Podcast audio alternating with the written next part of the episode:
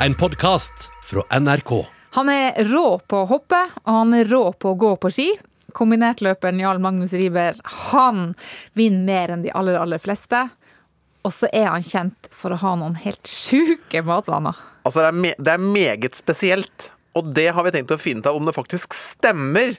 I den podkasten her så skal vi fokusere på utøvere som er gode med å kombinere idretter. Vi skal opp på pallen inne i garderoben. Velkommen til sporten. Sporten med Carina og Carl Andreas.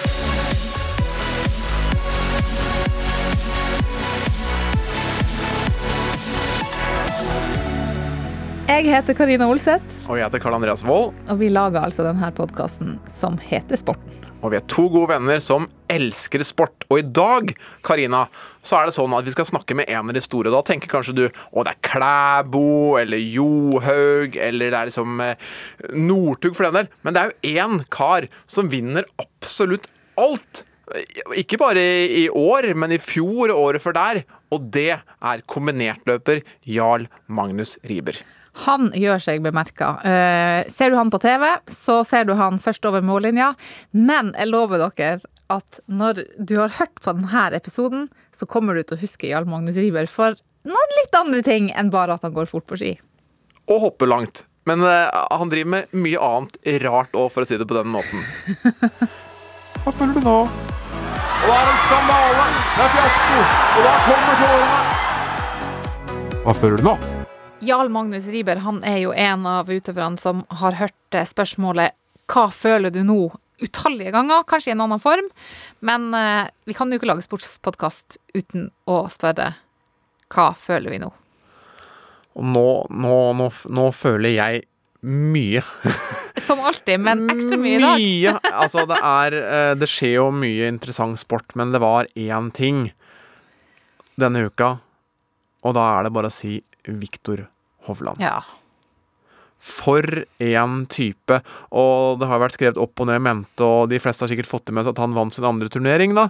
Og Altså, ikke, ikke bare vant sin andre turnering, du må nevne hvilken turnering. Ja, altså Han vant altså sin andre turnering på PJ, vant ja. Mayakoba Golf Classic. Og, og da Altså Før vi hadde Viktor Hovland, så var det jo ingen, ingen nordmenn som hadde vunnet PGA-turneringer i det hele tatt, så han skriver på en måte historie hver eneste gang for alt han gjør. Nå har han rangert som en av de aller, aller beste i, i verden. Han har, vi har, vi har, altså Ingen har vært i nærheten av dette her før.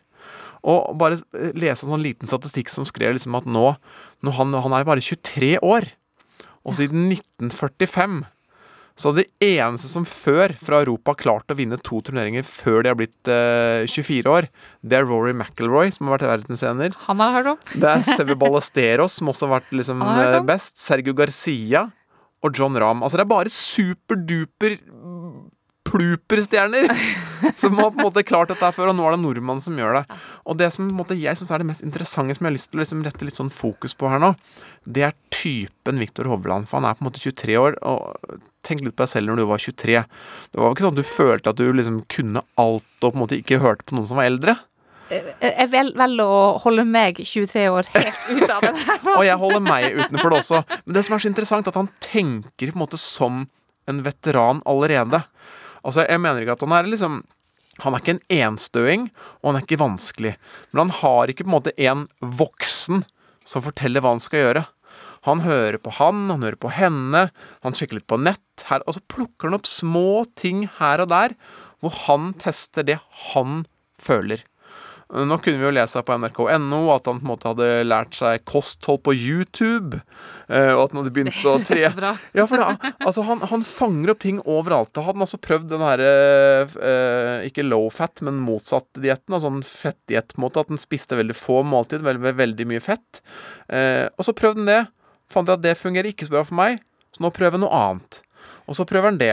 Og så prøver han noe annen styrketrening, og så finner han ut at det funker ikke. Nå prøver jeg noe annet. Sånn gjør han på golfspill. Han prøver hele tiden å utvikle det slaget, den putten, den svingen, denne muskelen. Og han gjør det ved å plukke opp litt herfra, litt derfra. Og tenk det!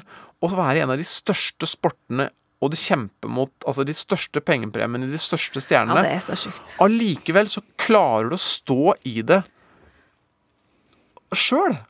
Du er liksom aleine mot verden. Men han er jo en av veldig mange utøvere som har det der klassiske toppidrettshodet. Det er jo, det, det er jo for meg helt ubegripelig. Tenk å klare å stå i det. Ja, det er så sykt. Alei, altså nærmest alene. Han har hjelp, han har en god caddy, han har gode folk rundt seg, for, og han har fått masse hjelp, altså. Men han tar ansvar for alt på egen hånd. Og han tar sine egne valg, og han står for de feilene han har gjort. Og så står han også for det han på en måte lykkes med. Men altså, eh, denne uka så står han jo altså Det siste slaget, liksom. Det, det er ett slag som skiller. Eh, eh, skulle til å si fiasko og eh, seier. Det er det jo ikke. Jo, Men det, er altså, altså, det ene slaget det er jo forskjellen på Du kan jo tenke selv forskjellen på én og to i denne turneringa her er en fem-seks millioner kroner. ja. Hadde, hadde, altså, hadde tatt til takke med fem-seks millioner kroner på andreplass også, men poenget er jo at, at han har jo et hode som antagelig ikke enser at det er noen millioner på spill her. Han enser ikke at det er et, et, et hundretalls millioner kanskje som ser det her verden over. Eh, han, han, han har evnen til å skru av. Han bare lever med den kølla og den ballen og den, det holdet der han skal putte. Ja. Altså, jeg har eh, vært så heldig at jeg har fått lov til å liksom, jobbe litt med Viktor Hovland, og snakka med han i natt også, på en måte. Eh, for da snakka vi litt om golf på, på et intervju som var gjort for, for flere medier. Og det, han, måte, det som er så interessant, er det at han Han er golfspiller så sykt at alt handler om det slaget. Hvordan skal jeg få dette slaget til å gå litt ut høyre før det skrur litt inn venstre, og så skal det sprette én gang, ha litt backspin og komme tilbake en halvmeter. Det er kun det han vil. Og hvis han får til akkurat det han har prøvd på, så er det sånn Yes! Jeg klarte det. Og da spiller det ingen rolle om han enten vant 11 millioner, vant turneringa, ble en helt, var på TV. Det spiller ingen rolle. Og som han, som han til meg, hvis han, det, hvis han gjør et slag, vinner turneringa, vinner 11 millioner, blir en helt og gjør noe historisk, men ikke får til det slaget han prøvde på Se at han hadde litt flaks da ballen spratt to ganger og ikke hadde backspin, men gikk i hullet. Vet du hva han er da?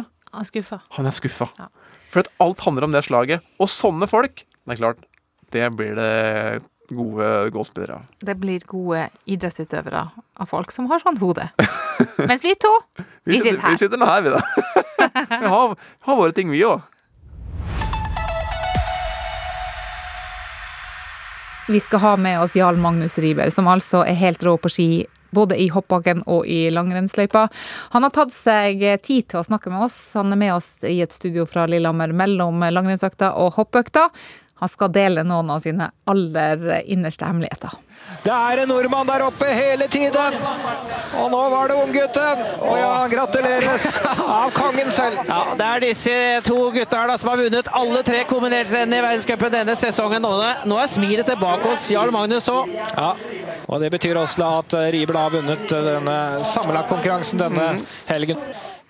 Det var norsk jubel i finske Roka i helga, for eh, nordmenn vant alt. To av rennene var det du, Jarl Magnus Riiber, som vant. Velkommen skal du være. Jo, takk skal du ha.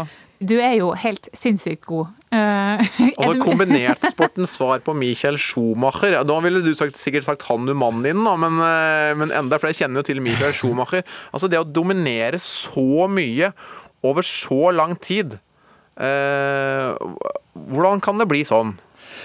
Eh, Nei, så det eh, Jeg har jo grubla litt på det, og eh, hvis det er noen problemer som oppstår, så har jeg veldig fort svaret på det, for jeg har hatt veldig mye trøbbel på veien til toppen, føler jeg, da. Eh, Så hvis det er noe som dukker opp av problem, så har jeg alltid triks å dra fram, og det, det føler jeg får benyttet meg stadig vekk. Ja, du har surra, en del og kløna en del og balla en del, du òg. Ja, jeg har absolutt det. Det har vært en eh, Hva skal jeg si, en karriere av berg-og-dal-bane, og den har jo De fleste har vel ikke sett, ikke sett meg på TV mer enn to-tre år, så, så Men før det så har det jo vært en god del, da. Men du er, du er jo bare 23, og så har du så mye rutine som gjør at du eh, har opplevd motgang, eh, som da gjør at du er så god nå. Hva, hva er det altså, På mange måter så er det jo det beste, men hva er det verste du har liksom måttet erfare på veien? Åh, eh, nei, det er jo på en måte Det er noe eh, det er noen ungdomssjukdommer som var ute og gikk der da du gikk på skole. og hva skal jeg si, Hver gang vinteren kom, så kom jo også enten noe skyssesyke eller mykoplasma og masse virus. Så eh, ja, det var jo mange år jeg ikke konkurrerte i det hele tatt i langrenn, fordi eh, jeg rett og slett ikke var i stand til det. Så eh, det var ganske vanskelig Ganske vanskelig av og til da, når du er i vekst. Var det noen gang du tenkte at det her, det, det her gidder jeg ikke, jeg finner noe annet å drive med? Ja, altså Veien til skihopping var jo kort. Eh, Det var fryktelig kort en periode der når jeg eh, måtte operere mandlene for eh, andre gang, fordi han legen som gjorde det første gang, han hadde ikke tatt og fjerna alt. Så, så det var jo liksom Ja, det tok jo liksom et halvt år før man var ferdig med det, og så oppå masse annet, så Eh, nei, det gjør jo, men du drar jo med deg god, mye erfaringer og, på vei opp dit. Og i, i den perioden brukte jeg f.eks. Uh, mye tid på skihopping, da. Som uh, Og ja, fikk benytta tiden godt der. Du, vi har jo ikke invitert deg eh, hit bare for å snakke om, om, eh, om idrett og alle prestasjonene dine. Fordi at eh, når man er så god som det du er, så har man jo lyst til å bli kjent med hvem, hvem du er bak skidressen og, og langrennstrikoten. Uh, og en av de tingene som blir nevnt oftest om deg, er at du er så snill og omtenksom. er det bevisst? Eh, Jeg veit ikke. Jeg har jo eh, vokst opp jo i en ganske sånn eh, trygg og god familie, syns jeg. Min mor er eh, veldig eh, glad i mennesker og sosial eh, skapning, så vi har vel fått inn tidlig at vi skal ta vare på hverandre. Men du tar altså vare på eh, yngre konkurrenter, f.eks. Ja, altså Jeg syns jo eh, De som er yngre enn meg, er veldig inspirerende. Altså, de er sultne og, og vil alltid opp og frem. Og det å kunne Hva skal jeg si Gjøre noe godt for dem da, på et eller annet måte, det, det gir meg en gnist, og jeg håper at det gir dem også en gnist. da. Hva, hva, hva hjelper du til med? Eh, nei, altså det er jo Vi driver jo som sagt med en komplisert idrett med mange detaljer, og det kunne Ja, jeg har jo Jeg har jo eksempel i år hjulpet eh, eh, to, et søstrepar på en måte til eh, å få tilpasset hoppdress, slik at de har noe å hoppe med på trening, da, utenom eh, utenom det. Og så hadde jeg også et prosjekt med en, eh, en yngre fra Heming, fra min klubb, og sydde en dress til han. Og eh, håpte at eh, det kunne hjelpe dem til å liksom se de små detaljene og være sulten på utvikling. Da. Du, du syr sjøl, altså? Ja, jeg gjør det iblant. Ikke alt, men eh, litt sånn småting. Hva slags, Er det korsting du går for, da? Eller er det, hva er det sånn Hva som gir best flyt? Nei, det er eh, Her er det rett søm og mal som er viktig, så det er ganske rett fram. Men det er så bra gjort. ja, det er Veldig bra. Det er gøy å sy, da. Ja, du, du liker også å sy. Jeg liker å sy. Jeg får egentlig ikke lov til å låne symaskinen til kona mi, for jeg er redd det skal ødelegge den. Har du egen, eller får du låne kona di sin? Nei, eh, jeg og broderen investerte eh, Kjøpte vi- for konf konfpenga si? Ja, nesten. nesten. Og vi forsto tidlig at eh, det er kjekt å kunne sy hoppdresser, og det er viktig, så da investerte vi i det for ja, fire-fem år siden. Altså en skikkelig bra maskin, liksom? Ja, det er bra trøkk i den. Det er en industrimaskin. Jøss. Men Du eh, går ikke på husfliden? Nei, jeg gjør ikke det. en ting er jo liksom de, de dressene, men eh, det å dele, dele av erfaringa di og kunnskapen din um, uh, hvordan, hvordan blir det mottatt når du uh, dukker opp på et eh, barneskirenn f.eks. Og, og gir av det sjøl?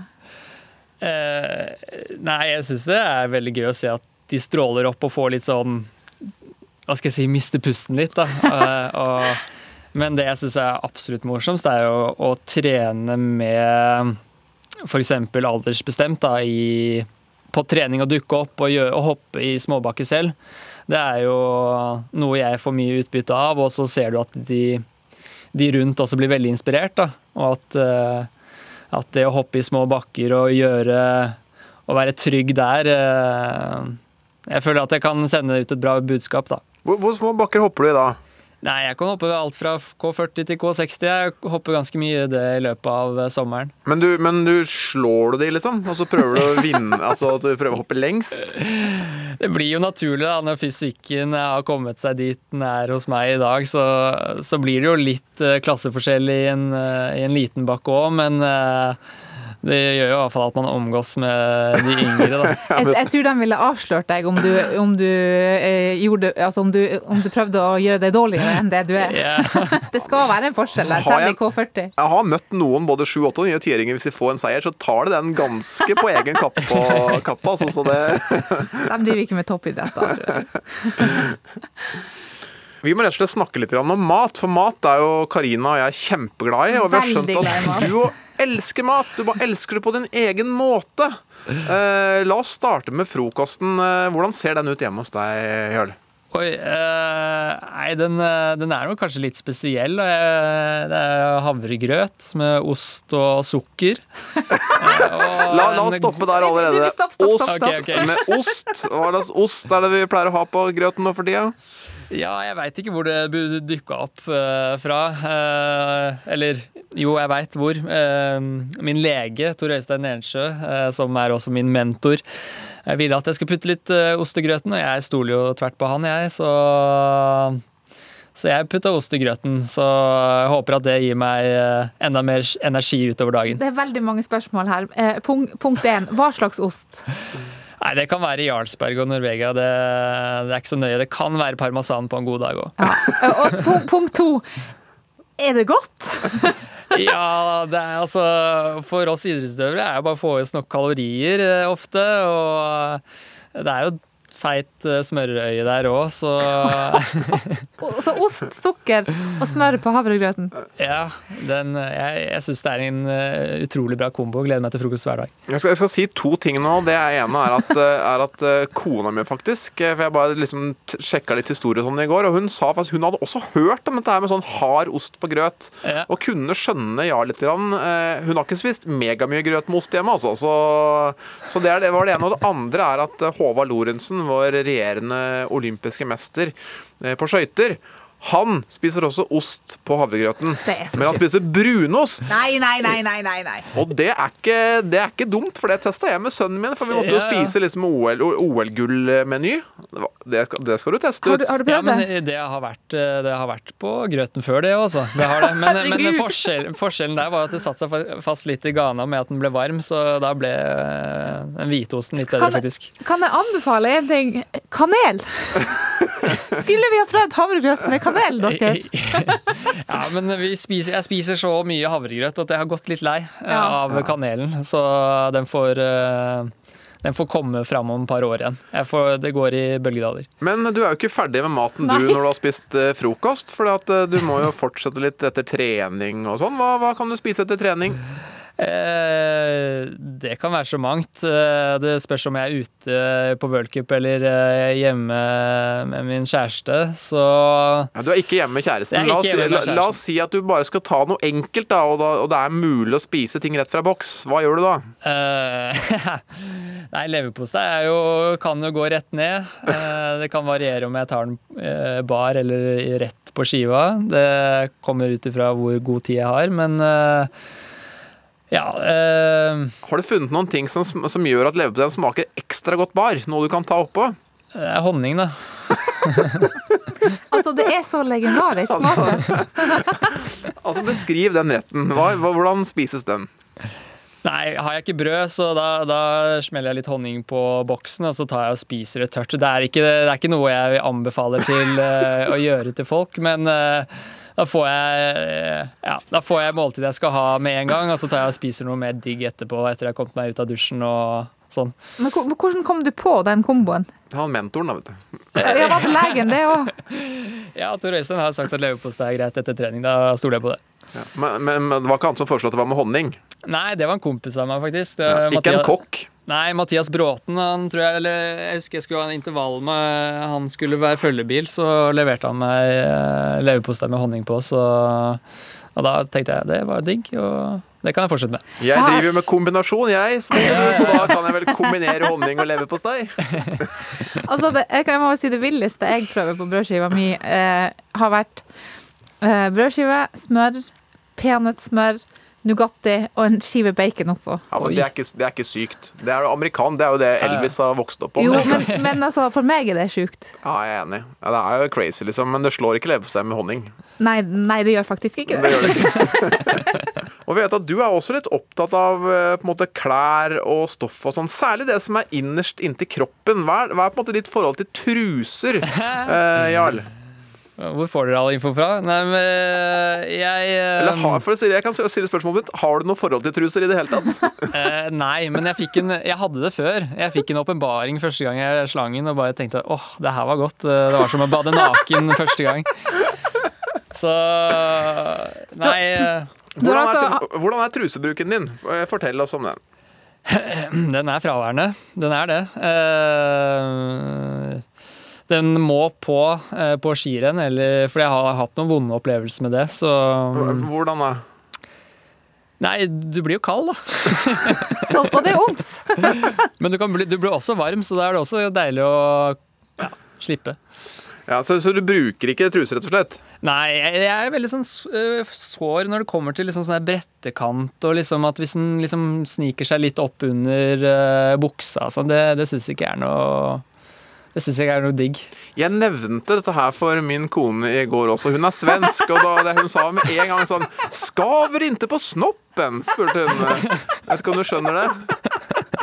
Nei, du må nok oversette det til meg der. Ja, altså. eh, altså liksom eh, Blir du ikke sår på utstyret? Eh, nei, den, eh, jeg tenker at han får mer luft og koser seg litt bedre når det er bra, bra inneklima. Og så er det bra for miljøet òg. Det blir mindre klesvask. Ja, absolutt. Ja, Så det, det- her, ja. det her skjemaet kjenner jeg at jeg melder meg litt ut av. Jeg synes det er veldig, fi veldig fin. Nå har vi fått eh, tips om dette. er jo den en sånn klespodden. Nå har vi fått eh, lært av Ingrid Tandrevold at det er eh, veldig bra med å ha sånn at du må ha hals for ikke å bli kald. Riktig. Og så er det bra med høye, varme sokker. er veldig fint. Ja. Og det passer også bra til shorts. Jeg sover jo med sokker om natta, da. Det, det syns jeg Altså uten truse, men med sokker. Ja. Som, som, som Oluf sa en gang, som Gud skapte meg med, med ullsokker og skinnhue. Altså, vi, Ja, det, det var en av tiltakene i fjor for å holde meg frisk i løpet av uh, uh, sesongen. Fordi noen av de dyene ute i Europa er så fryktelig korte. Så da Ja. Og så liker jeg liksom å ha det litt sånn oppe høyt uh, om natta, så da dingler føttene utafor dyna. men spørsmål. Eh, dere deler jo som regel rom. Eh, det gjør- vi gjør kanskje ikke det under korona, men dere deler jo rom som regel, og da er det jo ofte en dobbeltseng. Så da, da Hvem deler du rom med, og ligger den personen ved siden av deg da, og du kun har ullsokker på? Ja, eh, jeg tror eh, Ja, i hvert fall nå hittil så har jo broderen og jeg vært ofte romkompiser. Ja, det er en fordel. Så, Så han kjenner meg Han- han mine vet hva det rutiner godt. Han vet hva det går i. Eh, han deler ikke de samme rutinene, men han eh, Han eh, ja, han, har, han, har, han lever greit med det. Men hvor, hvor mange år har du holdt på med det her, liksom? Oi Det er jo ikke så fryktelig mange år. Det starta sikkert på slutten av ungdomsskolen, jeg veit ikke. For da, for da bare fikk du en åpenbaring. Eh, ja. Eh, jeg tror sikkert at jeg ikke fant noe når jeg skulle hoppe i seng, og så var det ordentlig digg. jeg husker følelsen. Det var, det var som jeg sa i starten, at det var som å bade naken første gang. hva er på en måte neste mål? Altså, jeg vet jo det at uh, Hanu Manninen har vel fire cuper, og, og Frenzel har fem, og de har litt flere VM-titler også der. Så hva, Mm. hva er på en måte det ultimate målet ditt? Hvis du liksom end, altså Nå er du jo liksom kjempegod og har fått til mye, men har du et sånt ultimat mål sjøl? Da har jeg klart alt. Eh, ja, ja, vi har jo et OL-gull der som uh, jeg skal uh, ønsker å ta. Jeg har jo ganske mange år igjen, så jeg ønsker å kunne være med og bidra i den kampen mot Hani Manin og antall worldcup Cup sammenlagt. Han har jo 48 seire, tror jeg. Det er Så, riktig. ja. så det er jo ganske langt opp dit, da. Ja, men når du klart du skal vinne 14 i hver sesong, så tar det ikke dødslang tid, liksom. Det rekker jo ikke å bli men 25 man- man- engang før du tar den. Ja, man, man kan ikke regne at eh, alt skal gå på skinner hele tida. Det ser vi nå som helgen som var, så man må beregne litt tid. Jarl Magnus Riiber, tusen takk for at du tok deg tid til å være med. Jo, bare hyggelig. Og lykke til resten av sesongen. Tusen takk. Eh, og du får ikke tatt uh, mannen igjen i år, men det blir ikke så veldig lenge til hvis du fortsetter i samme tempo. i hvert fall. Nei, jeg skal i hvert fall prøve mitt beste. Opp på pallen og inn i garderoben. Det her er sporten. Hvis man først er liksom god i idrett, så er det ofte at man er gode i flere ting. Og det fins veldig mange utøvere der ute som er gode på mange ting. Kanskje har bytta idrett, gjort det bra i én, gjort det bra i en annen, gjort begge to samtidig. Nå skal vi til pallen i kombinasjon. Mesdames et messieurs, médaillés de bronze, Ladies and gentlemen, the bronze medalist. På min bronseplass så finner vi den kanadiske skøyteløperen og syklisten Clara Hughes. Jeg har jo jobba masse med, med skøyter i min eh, sportsjournalistkarriere, og hun her la jeg merke til, fordi eh, hun har altså deltatt i seks OL, tre vinter- og tre sommer-OL. Hun har eh, to bronser fra OL i Atlanta i 96, på sykling, da. Og så har hun da gull på 5000 meter på skøyter i 2006 i Torino. Og det syns jeg er litt sånn eh, imponerende, at du klarer å, å kvalifisere deg for OL annethvert år istedenfor hvert fjerde år. Veldig lurt. Og så har du dekka opp hele året, sommer og vinter. Men det her er to idretter da, som i veldig stor grad eh, kombineres. For eh, skøyteløpere bruker veldig mye sykkel i treningsarbeidet sitt. Min bronse er også en kvinne, men vi skal til Norge. Og dette var faktisk veldig overraskende for meg, for jeg visste at hun var kjempegod i to ting. Vi skal til Hedda Berntsen. Oi! Som var altså De fleste husker henne som alpinist, og hun tok sølv i slalåm i St. Anton i 2001. Men fire år før det så ble hun verdensmester i Telemark. Helt vilt. Og da har vi liksom to ting. Wow, det er kult, liksom. Men så, i 2008, så tok hun X Games-sølv i skicross. Og rett etter det så tar hun altså OL-sølv i skicross. Tre mesterskapsmedaljer i tre ulike vinteridretter. Det syns jeg bare er helt magic. Hedda Berntsen er kanskje verdens flinkeste til å leke seg på ski. Altså, hun var et multitalent, rett og slett. mesdames et messieurs, médaillés d'argent, Ladies and gentlemen, the silver medalist. Det er ikke mange ukene siden vintersesongen starta, eh, og Norge vant helt sjukt mye den første helga.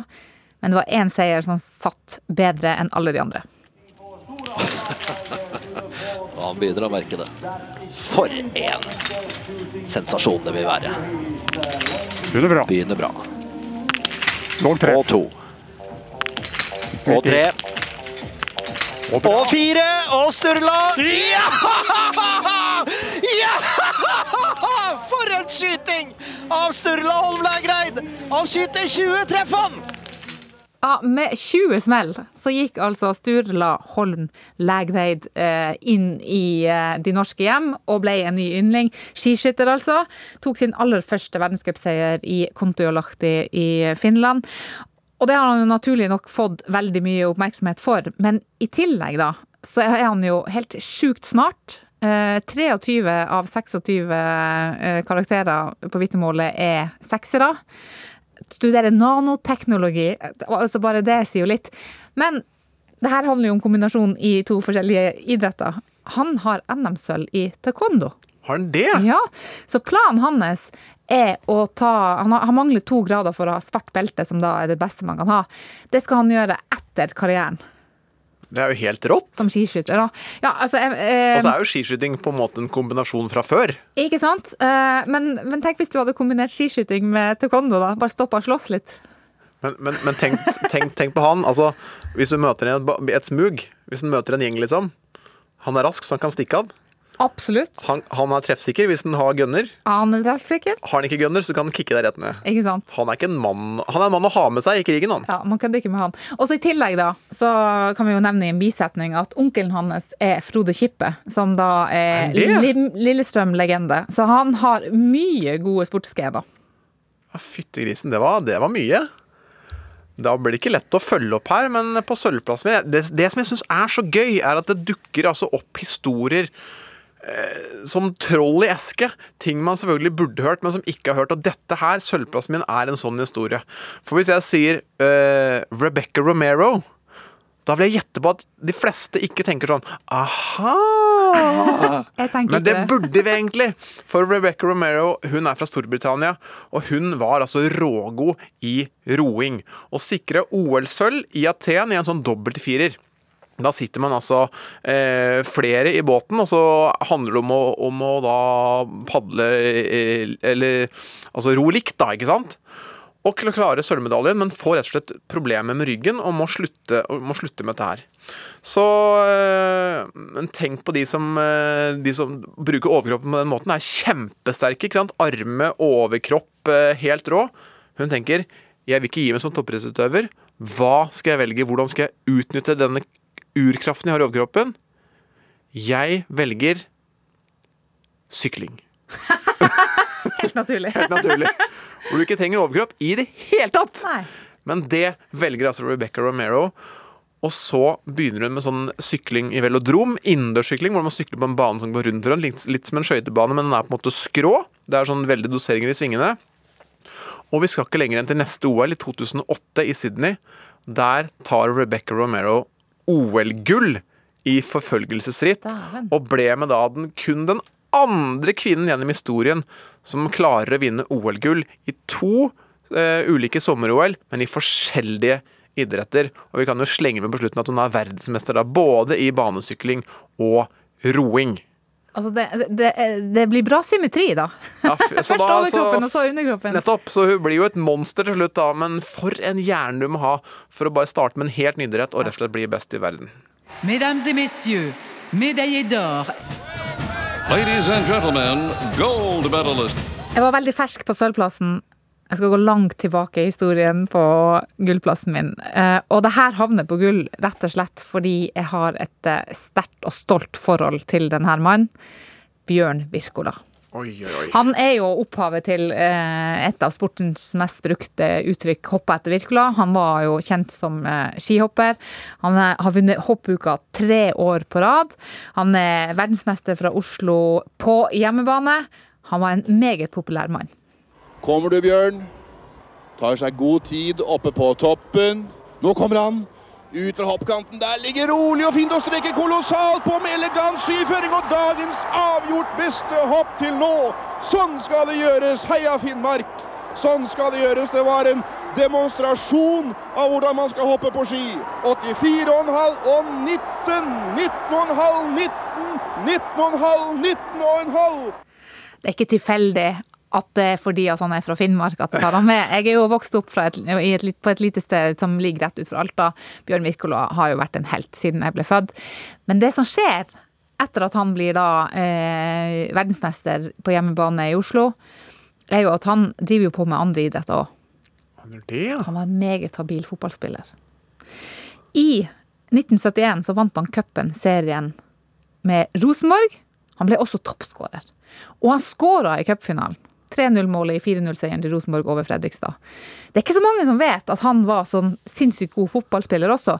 Og når du hører på lyden fra, fra Oslo i, i, eh, i, i klippet her, så hører du jo hvor sinnssykt mye mennesker som heier på han. Han var en vaskeekte rockestjerne. Kan du, kan du tenke deg det lille hakket ekstra han fikk da han da også ble norgesmester, seriemester, toppskårer i, eh, i fotball? Det er jo helt eh, rått da, å ha de egenskapene. Men det, er, det må være noe med det toppidrettsgreien, altså at det klikker noe inn i hodet på de. Absolutt. Eh, Jeg, tr- jeg tror at eh, han, han var typen som rett og slett hadde Han hadde det lille ekstra, og så, og så tror jeg han hadde draget. Dra, draget på fotball, eller? På alt, egentlig. Han var åpenbart et multitalent, og på min gullplass så skal vi også til et multitalent. Dette er nok en gang en historie som flere eh, burde ha kjent til, men som nok mange ikke gjør. Vi skal til en italiener som kalles Alex Zanardi, men han egentlig heter han Alessandro Zanardi. Å, det klinger bra. Han var en type som var blant de aller aller beste førerne på 90, slutten av 90-tallet i Formel 1. Han kjørte både for Jordan, Minardi, Lotus og Williams, men han klarte liksom aldri helt å, å ta steget opp og vinne disse løpene. Og kanskje det som blir sett- sett på som den største tabben til Sanardi, var at han fikk jo teste for alle teamene, for han var så god. Og han testa for Benetton, men valgte å si nei til de og kjøre for Lotus, som viste seg å være en tabbe. Lotus-bilen var ikke god nok. Benetton-bilen var så god at Michael Schumacher, som kjørte den det året i 1994, vant eh, og tok VM-tittelen i sin Benetton. Hadde Sanardi valgt av Benetton, så kunne han vært med kanskje der oppe. Kanskje. Man får altså aldri seieren i Formel 1. Men så kommer altså da til 2001, og da velger Sanardi å kjøre et løp i IndyCar, som er sånn den serien hvor du kjører rundt og rundt på en sånn sirkulær bane, litt som en kjempestor skøytebane eller travbane. Eh, Går jo forferdelig fort, kjører bare rundt og rundt i opp mot 300 km i timen. Dette skjer da når Sanardi kjører i 2001. Breck picks up the lead. Zanardi, oh, with a terrible crash. Yellow is out. Turn one loses control of the car. Rest of the field, look at them slow down. There's there's debris all over that racetrack. They'll go down over the curbs if necessary. Dr. Steve Vinoli has just come out of the medical center. Doctor, can you give us information relating to both drivers? Yeah, Gary, Alex Zanardi is extremely critical. He's had severe injuries to both of his lower extremities, has had significant blood loss, but he is responding. He is breathing on his own. Uh, so we're sending him to the Berlin uh, Major Trauma Center. Samardi han kommer altså ut fra pit lane, altså der han har vært og bytta dekk, og skal kjøre ut på denne sirkulære banen. Og så får han noe sleng, det er utrolig sterke biler, han får noe sleng på bilen og kommer opp på gresset og kommer på en måte skeivt ut på banen. Og da kommer det en annen bil i 260 km i timen og kjører rett på bilen til Sanardi og deler den i to. Selvfølgelig kjempekritisk for italieneren, som blør vanvittig mye. Han blir redda av at det er en lege som er så kjapp på plassen at han klarer å stoppe blødningene, og med et nødskrik så redder han livet til Sanardi, som overlever, men mister begge beina. Tvert av, liksom. Har, det er ikke en stubben, ingenting er igjen av beina. Dette her kunne sikkert tatt knekken på, på de aller, aller fleste, men ikke på Sanardi. Han begynner å tenke hvordan er det jeg kan få mest mulig ut av livet mitt nå, uten bein? Og da tar han opp håndsykling. Hvor du da sitter på et lite sete, har to hjul bak, og så har du ett hjul foran, litt som en sånn slags olabil med ett hjul foran. Og så har du pedaler som på en sykkel foran, liksom på foran deg.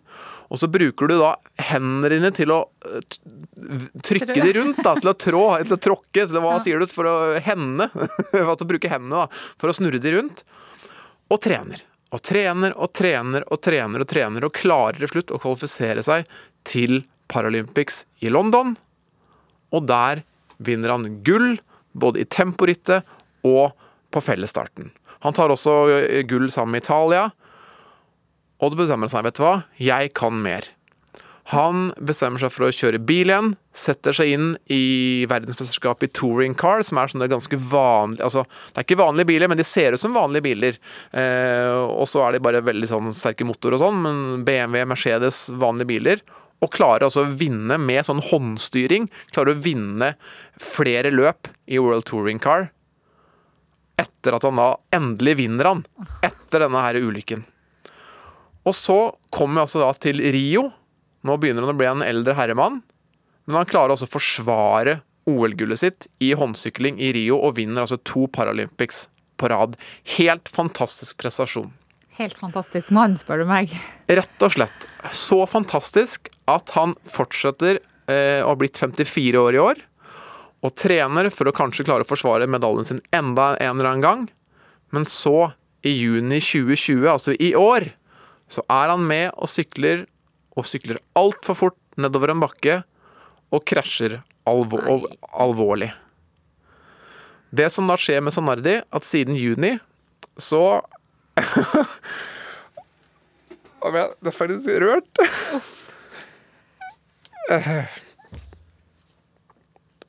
Ja, det var veldig rart. Han, eh, han havner i koma. Og han ligger i koma eh, fortsatt.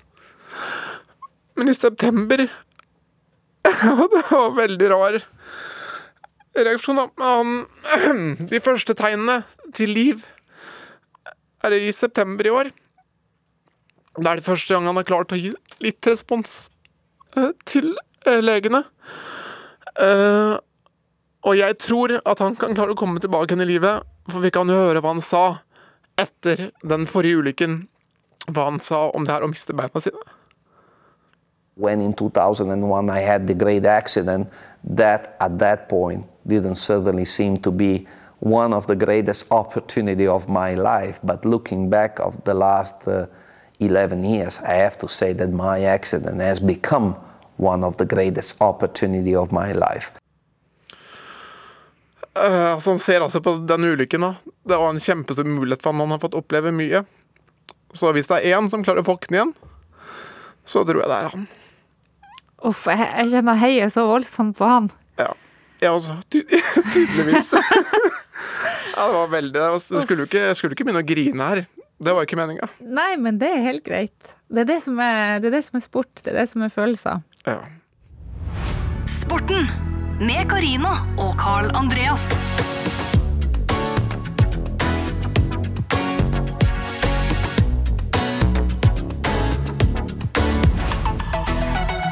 Hva hadde livet vært uten de gode historiene? Ingenting. Ingenting, faktisk. Nei.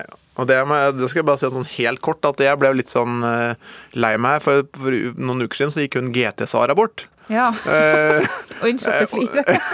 En sånn dame på 93-94 år som helt til det siste hadde levde av, vet ikke om hun levde av det engang, men reiste rundt og spilte litt gitar og fortalte vitser. Ja. Så de gode historiene Det var groviser. De var grovere enn mine, faktisk. Den er litt på canten. Den er litt på canten. Ja. Men det, denne historien her er ikke det. Dette her er historien om en av verdens beste kombinasjonsutøvere. Som kunne flere idretter. Og hun kunne selvfølgelig ha dukka opp på pallen, eh, den jenta her også, men jeg måtte nesten spare det. Hun har hovedrollen i den gode historien, og det er OL i Pyeongchang som er åstedet for dette her. Hvor tsjekkiske Estel Ledetska er Ja. storfavoritt i snowboarddisiplinen parallell. Hun er jo snowboardkjører, har dominert i verdenscupen. Så, så hun skal hente det gullet der. Men hun er jo god, god til flere ting. Så hun på en måte har kjørt litt eh, Er en habil alpinkjører og har slengt seg med på noen verdenscuper og på en måte gjort det brukbart, men aldri vært i nærheten av pallen. Men OL er langt, vet du. Det er to uker og mye ventetid og dødtid, så jeg, jeg slenger meg noe med. Jeg er nok kvalifisert til det supergrennet, så jeg slenger meg noe med Bare et lite renn. tar deg kos og moro, liksom. Og nedi pallen, nei, nedi pallen, sier jeg, nedi, nedi målområdet, så er de, de, de kara som skal stå der og trekke fram pallen for at, eh, for at vinnerne og, og gull, sølvvinner og bronsevinner skal klatre opp, de, de er så klare. De skal bare liksom få ned de siste her nå. Men det er jo, det er jo avgjort, ikke sant. Det er Østerrike som skal ta gullet der med Anna Fight. Men så kommer nå Ledetska, da. Og kaster seg utenfor, helt uten forventninger. Og hun overrasker også både seg selv, alle andre, hun overrasker også NRKs kommentator Thomas Lerdal. Dette, dette er nok eh, avgjort. eh, Det er klart, mens vi sier det, så kjører jo Estel Ledetska plutselig og har 1800-deler eh, å gå på til Anna Feit på vei inn i Blue Dragon Valley, så du kan vel kanskje la henne komme tvilen til gode, men han skulle Ester Ledetska gå og gjøre dette her, så er det tidenes uh, skrell uh, i målområdet her i Chong-Sun. Hun huker seg sammen langt bakpå ved hoppet. Og taper tid. Hun er inne. Ett hundredel foran! Åssen er det mulig?! Åssen er det mulig?! Ja, det er helt legendarisk. Altså, altså, ingen så det komme. Altså, hopper som en kråke og taper masse. Det er langt Hva er det? Men dette, er her var så, dette er ikke noe for å tulle med Thomas Lerdal, for, for dette, dette her var altså så overraskende. Og det, og det, kan vi, det vet vi. Fordi eh, beviset på det er at alle intervjuer som ble gjort etterpå, både på premieseremoni og pressekonferanser og alt, blir gjort hvor Ledeska hadde på seg slalåmbriller Ja. hele tiden. Fordi hun hadde ikke regna med å bli intervjua den dagen. Så hun hadde ikke sminka seg. Og da kan man ikke bli intervjua. Nei, nettopp. Det er så bra, fordi at jeg, eh, jeg jobba jo med OL på radio eh, i 2018. Satt akkurat i det her studioet, og, og det var jo tidsforskjell. Så vi satt jo her midt på natta, jeg og en tekniker. Det var rimelig eh, rolig stemning her. Men du kan tro vi hoppa her inne. Et hundredel! Altså Hun vant altså da. Anna, Anna Fight tok sølv, og Tina Wariater tok bronse. Det var liksom så lite, altså 1300 eller skitt, Det er ingenting! Det, kunne like gjerne Og det, til og med med kråkehoppet som vi hørte på slutten her, da. Antakeligvis var det veldig mye mer. Men så skal jeg spørre deg, da. Tror du hun tok gull i parallell snowboard også litt senere, som hun var favoritt til? Selvfølgelig gjorde hun det. Og tror du hun hadde på seg sminke da? Ja, det hadde hun. Det hadde hun selvfølgelig. Men for en, eh, for en prestasjon, og for en utøver, Ester Ledetska, som rett og slett bare naila det. To gull i samme OL i to ulike idretter. Tror du at hun går for det samme i, i neste OL i Beijing? Nei, det tror jeg, det tror jeg nesten ikke. Altså, men nå, nå er de jo klare. Og hun har jo faktisk, det skal sies, da. Det her var ikke noe one hit wonder. Hun har kjørt i verdenscupen i slalåm eller alpint senere også, og klart å ta en verdenscupseier. Så hun har jo helt unike evner, både på ski og på snowboard. Og rett og slett, rett og slett en utøver som, som bare får det til når hun bestemmer seg for noe. Jeg har rett og slett bare ett råd til Ester Ledetska. Smink deg foran hver konkurranse. Men jeg, jeg som må si det at øh, Nå skal ikke jeg nevne noen navn eller ikke jeg nevner sporter heller, men jeg syns faktisk at øh, man, man, man, hun må ikke sminke seg. For veldig mange jenter er akkurat like fine uten sminke Ja, på ja, idrettsbanen ja, vi- som etterpå med sminke på, på banketten. altså, vi hører hva du sier, Karlan. Ja, men jeg, jeg mener, og, det, men, og det vi, mener vi tror at du mener det, men, men poenget med Ester her var jo at hun følte seg ikke komfortabel uten sminke. Nei. Så derfor ble skibrillene på. Så, så derfor, for sikkerhets skyld Jeg tar ikke stilling til når hun er på sitt vakreste, men skal man gå inn i et intervju, så bør man være komfortabel. Da gjør man det man kan. Det bobler jo litt her i studio for tida på flere måter. Hvordan, hvordan er det med hormonene dine, Gallan? Nei, det var jo helt forferdelig. Altså, det er jo du som er gravid, så det var, det, det, min, min tanke var at jeg tenkte at du kanskje ble litt rørt. Ja. Jeg- og jeg ble det, jeg må si ja, det. Men det, var, da, altså, det her var jo helt uh, sykt. Men tydelig at det, det er ikke bare korona som smitter om dagen. Er, den graviditeten din den drypper over den òg. Det var veldig overraskende men, eh, at, at det ble sånn. Men uh, det, det er jo en, rett og slett en sterk historie, og så får vi bare håpe at det går bra med Alex Sanerdi. Det håper jeg også virkelig. Og så skal vi nok snakke om han flere ganger hvis at det, det hvis vi orker, si. Ja, vi, klart vi orker. Vi. Vi Vi elsker følge- jo følelser. Ja, vi Hva hadde livet vært det. uten følelser? Nei, ikke sant? Det som er fint eh, i denne situasjonen, er jo at NRK har en podkast for alle, ikke bare for, eh, for dem som er glad i sport. Altså, det er ikke usannsynlig at Havarikommisjonen dukker opp her nå, etter det som er eh, alle følelser som er her. Men altså, det er en fantastisk podkast som har gjort det veldig bra. Hvor det rett og slett handler om parterapeuter som dykker ned i forhold som var bra. Og så var havarert, og så prøver du å finne ut hvorfor. Og den podkasten finner du alle steder hvor, er, hvor du kan høre på podkast. Kan lære mye. Og man kan eh, Det kan rett og slett gå opp et lys når man hører på denne podkasten. Jeg bare låser døra her, så de ikke, ikke kommer inn her nå. Denne episoden av eh, Sporten er over.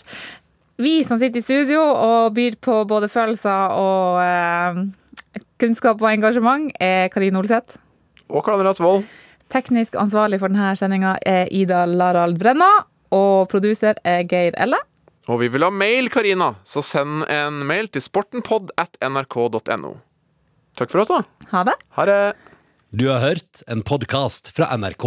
Hør flere podkaster og din favorittkanal i appen NRK Radio.